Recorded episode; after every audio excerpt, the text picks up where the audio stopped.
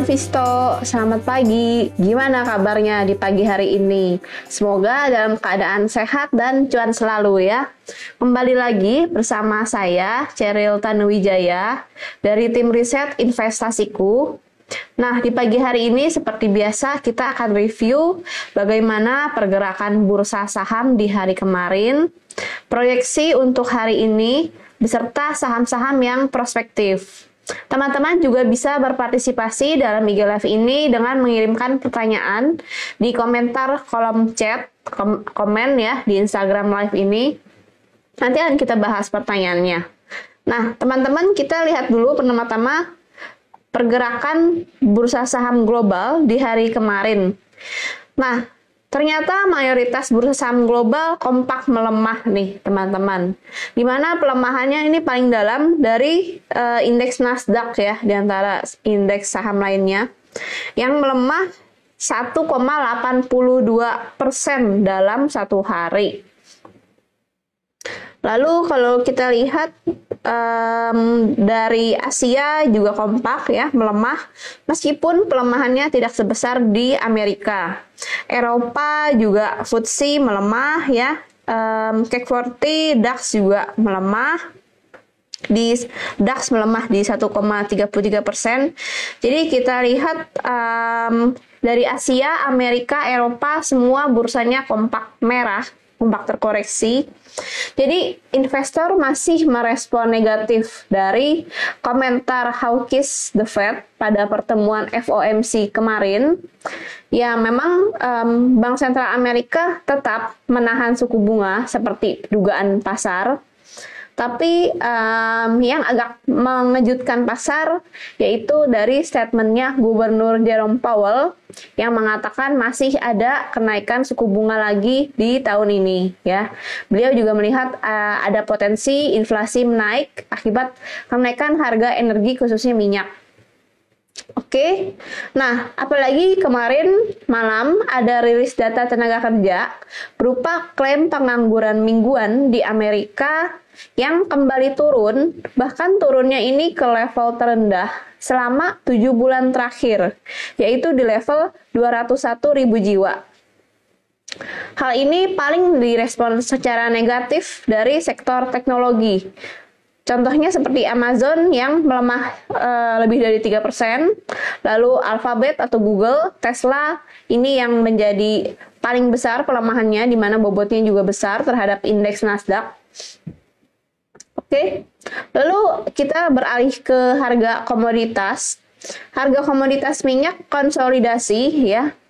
E, sempat menguat tipis di perdagangan malam di mana kemarin pemerintah Rusia mengumumkan larangan ekspor minyak yang menyebabkan kekhawatiran um, pasokan yang ketat.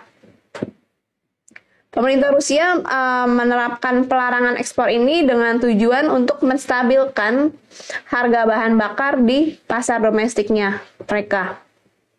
Oke, okay. um, jadi kalau kita lihat sih untuk di pekan ini ya, di akhir pekan ini, harga minyak masih ada potensi menguat ya, teman-teman ya.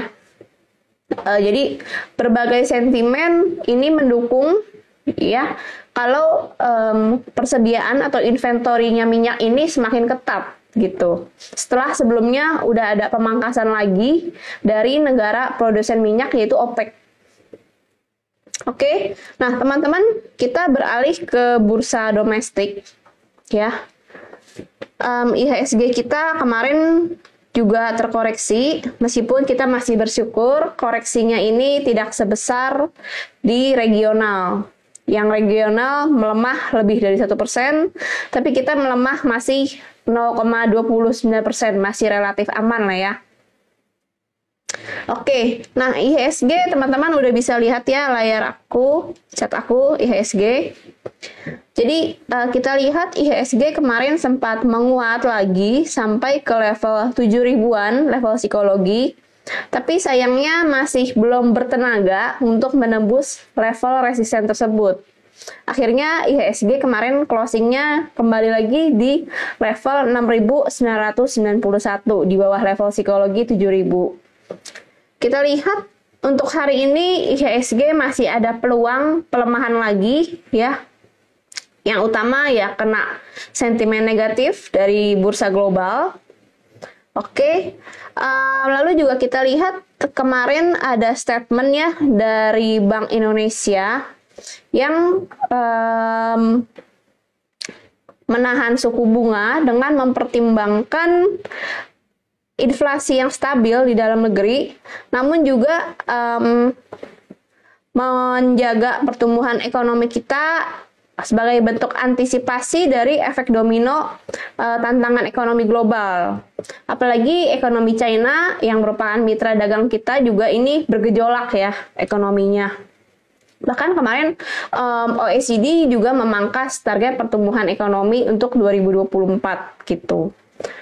Oke, nah jadi dua sentimen itu yang membuat uh, kita lihat IHSG masih akan melemah lagi ya teman-teman dengan range di 6950 sebagai support dan resisten 7010 sebagai um, area yang nampaknya masih belum bisa dilalui untuk hari ini batas atasnya ya.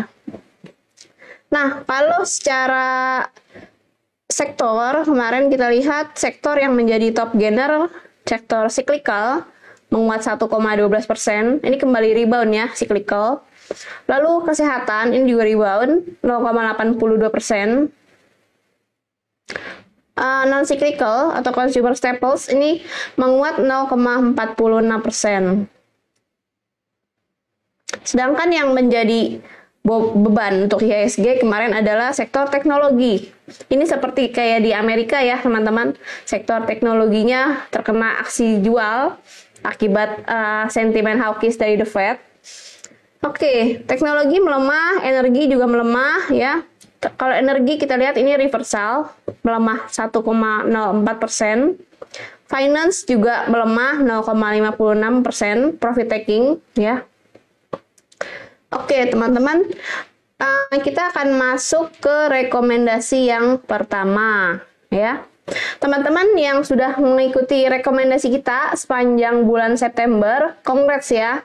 Um, akumulasi rekomendasi kita ini sejauh ini sudah mencapai 17,53 persen, ya. Dan ini akan terus berubah angkanya karena kita update setiap kali uh, rekomendasinya kita berjalan, gitu ya. Oke, rekomendasi yang pertama untuk hari ini ada Java ya, teman-teman.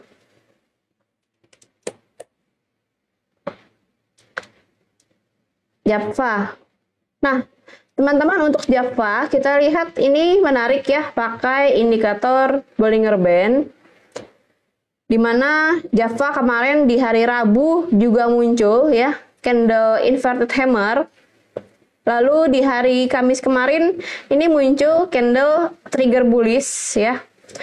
Sinyal buy juga muncul dari RSI stokastik ya yang membentuk golden cross kita bisa buy Java di harga 1160 sampai 1170. Take profit di 1250, stop loss di 1140.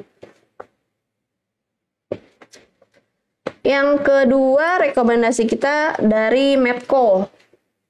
Jadi kita manfaatkan volatilitas harga minyak ya teman-teman untuk si Medco ini kita lihat uh, Medco akan menguji level support Fibonacci 618 di level 1460 ya. Jadi kita bisa buy on weakness untuk Medco di harga 1480 sampai 1490. Take profit 1550. Stop loss 1450 ya. Untuk Medco ini juga masih strong bullish ya teman-teman secara tren. Rekomendasi yang ketiga ada Same. Sarana Media Tama Metropolitan TBK. Ya, kita lihat memang Same ini rada konsolidasi ya, teman-teman. Tapi kemarin closingnya menguat hingga melampaui resisten dua garis MA jangka pendek ya, diikuti kenaikan volume yang signifikan kita bisa buy same di area support MA di harga 350 sampai 354. Take profit 370. Stop loss 338. Rekomendasi yang keempat ada Wood.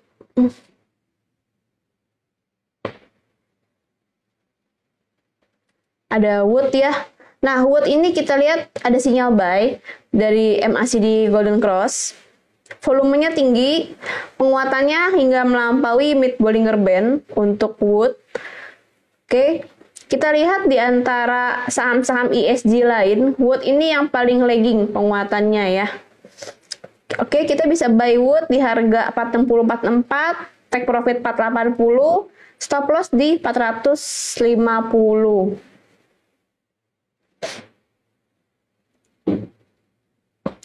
Rekomendasi yang terakhir untuk hari ini ada dari INTP. Indosemen Tunggal Prakarsa, ya. Kita lihat di pagi hari ini harga komoditas batubara turun ya, teman-teman. Jadi biasanya ini berkorelasi positif ya. Uh, sama INTP biasanya akan menguat kalau batubara turun harganya. Nah, kita lihat secara harga, ini juga uh, eh, INTP itu berhasil rebound setelah menguji level support lower Bollinger Band. Ada candle trigger bullish dan ada candle reversal berupa tweezer top di dua candle terakhir ya. Kita bisa buy INTP di harga 10.200 sampai 10.250. Take profit 10.750 Stop loss 10.100. Oke. Um, udah banyak ya teman-teman pertanyaannya. Kalau teman-teman yang masih mau bertanya lagi, boleh silakan diketik aja di komen. Yang pertama uh, pertanyaannya ada soal harum ya. Harum sell on strength. Oke, kita lihat dulu ya harumnya. Oke, baik. Nah, teman-teman udah kelihatan ya chart aku.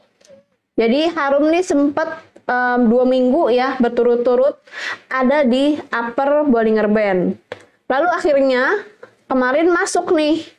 Jadi confirm dari sinyal jual kalau untuk uh, Harum ini ya. Mungkin teman-teman yang udah punya benar bisa sell on strength dulu ya. Nanti mungkin di 1700 baru bisa kita cermati lagi untuk harum. Uh, lalu ada pertanyaan mutu. Oke, okay. mutu ini kongres ya yang udah ikut rekomendasi kemarin. Uh, niatnya swing tapi udah langsung kejual di 190 mutu ya. Um, untuk sekarang posisi mutu closing di 196 ya. Ini kita lihat di area sekarang di 196 tersebut tuh ada resisten ya teman-teman. Berpotensi jadi resisten double top. Jadi teman-teman yang kemarin belum jual boleh jual dulu ya. Yang belum beli bisa tunggu dulu buy on weakness di 176 untuk mutu. Lalu berikutnya ada Arco. Arco ini juga keren ya teman-teman, kemarin naik signifikan. Kalau Arko kita lihat hari ini ada potensi uh, berbalik arah ya. Kemarin juga muncul berturut-turut candle, candle reversal ya shooting star. Um, untuk Arko bisa sell on strength dulu juga. Lalu ada Kin.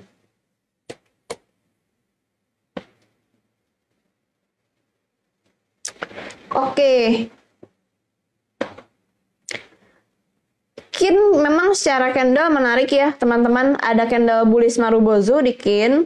Tapi sayangnya dalam beberapa hari terakhir ini, 4 hari terakhir ya, volumenya setelah naik jadinya turun nih, nggak setinggi sebelumnya. Meskipun dia ngebreak gitu ya. Jadi agak kurang meyakinkan penguatannya si Kin. Dari RSI stokastik, Kin juga sudah jenuh beli ya. Jadi dihindari dulu Kita beralih ke PGO pertanyaan berikutnya. Oke, PGO kita lihat ini ketahan sama resisten di kisaran harga closing ya. Kena Fibonacci 786 ya. Di harga 1570. Ini juga bisa sell on strength untuk PGO. Oke. Berikutnya ada pertanyaan SCMA.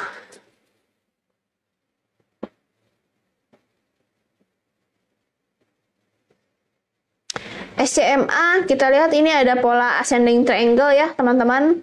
Atau bisa juga dibilang ada resisten double top di area harga 164 jadi bisa dihindari dulu dipantau dulu aja ya teman-teman. Kira-kira SCMA ini mau breakout atau breakdown ya? Lalu ada sinema mentang-mentang weekend ya pertanyaannya udah um, sesuai nih. Oke, uh, memang sinema kelihatan ada MA Golden Cross ya teman-teman.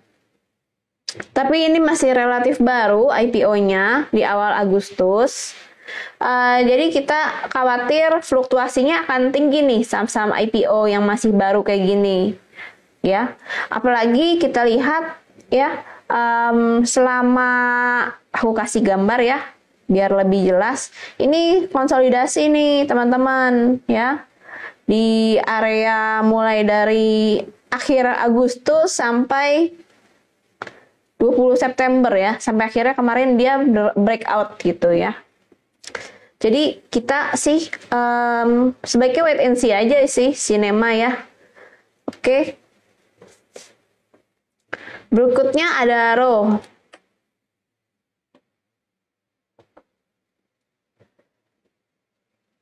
Oke, nah teman-teman Adaro ini bisa jadi pilihan saham batubara ya. Andai kata harga batubara siang ini mendadak naik, ini bisa cermati si Adaro. Soalnya kenapa? Adaro ini uptrend, strong bullish ya. Lalu kemarin di hari Rabu, sebenarnya Adaro nih berhasil breakout dari MA200. Ini ada berpotongan nih, MA5 jangka pendek sama MA200 jadi sinyal buy. Tapi sayangnya kemarin memang Adaro melemah tipis 0,34% di hari Kamis. Ini ya karena sentimennya harga komoditas batu baranya nih nggak mendukung untuk penguatan lebih lanjut gitu. Jadi kita bisa buy on support sih kalau mau ya. Adaro di 2900 ini menarik Adaro ya. Targetnya di berapa? Ya, targetnya di 3000 oke okay lah Adaro ya, tipis-tipis ada pertanyaan Esa. Esa mungkin pertanyaan terakhir ya teman-teman udah menjelang opening market. Nah, langsung terjawab ya teman-teman dari candlestick. Jadi Esa dia kayaknya false breakout deh dari MA200 ya. Kenapa? Soalnya breakout volumenya nggak mendukung ya. Lalu setelah breakout dia muncul candle reversal, candle spinning top ya.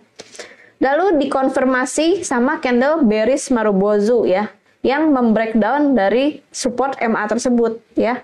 Jadi kalau untuk ESA kita bisa sell on strength apalagi secara komoditas gas alam harganya juga lagi turun signifikan hari ini gitu. Oke. Terima kasih teman-teman untuk partisipasinya di Instagram Live pagi hari ini. Kita ketemu lagi minggu depan Semoga teman-teman sehat dan cuan selalu ya. See you.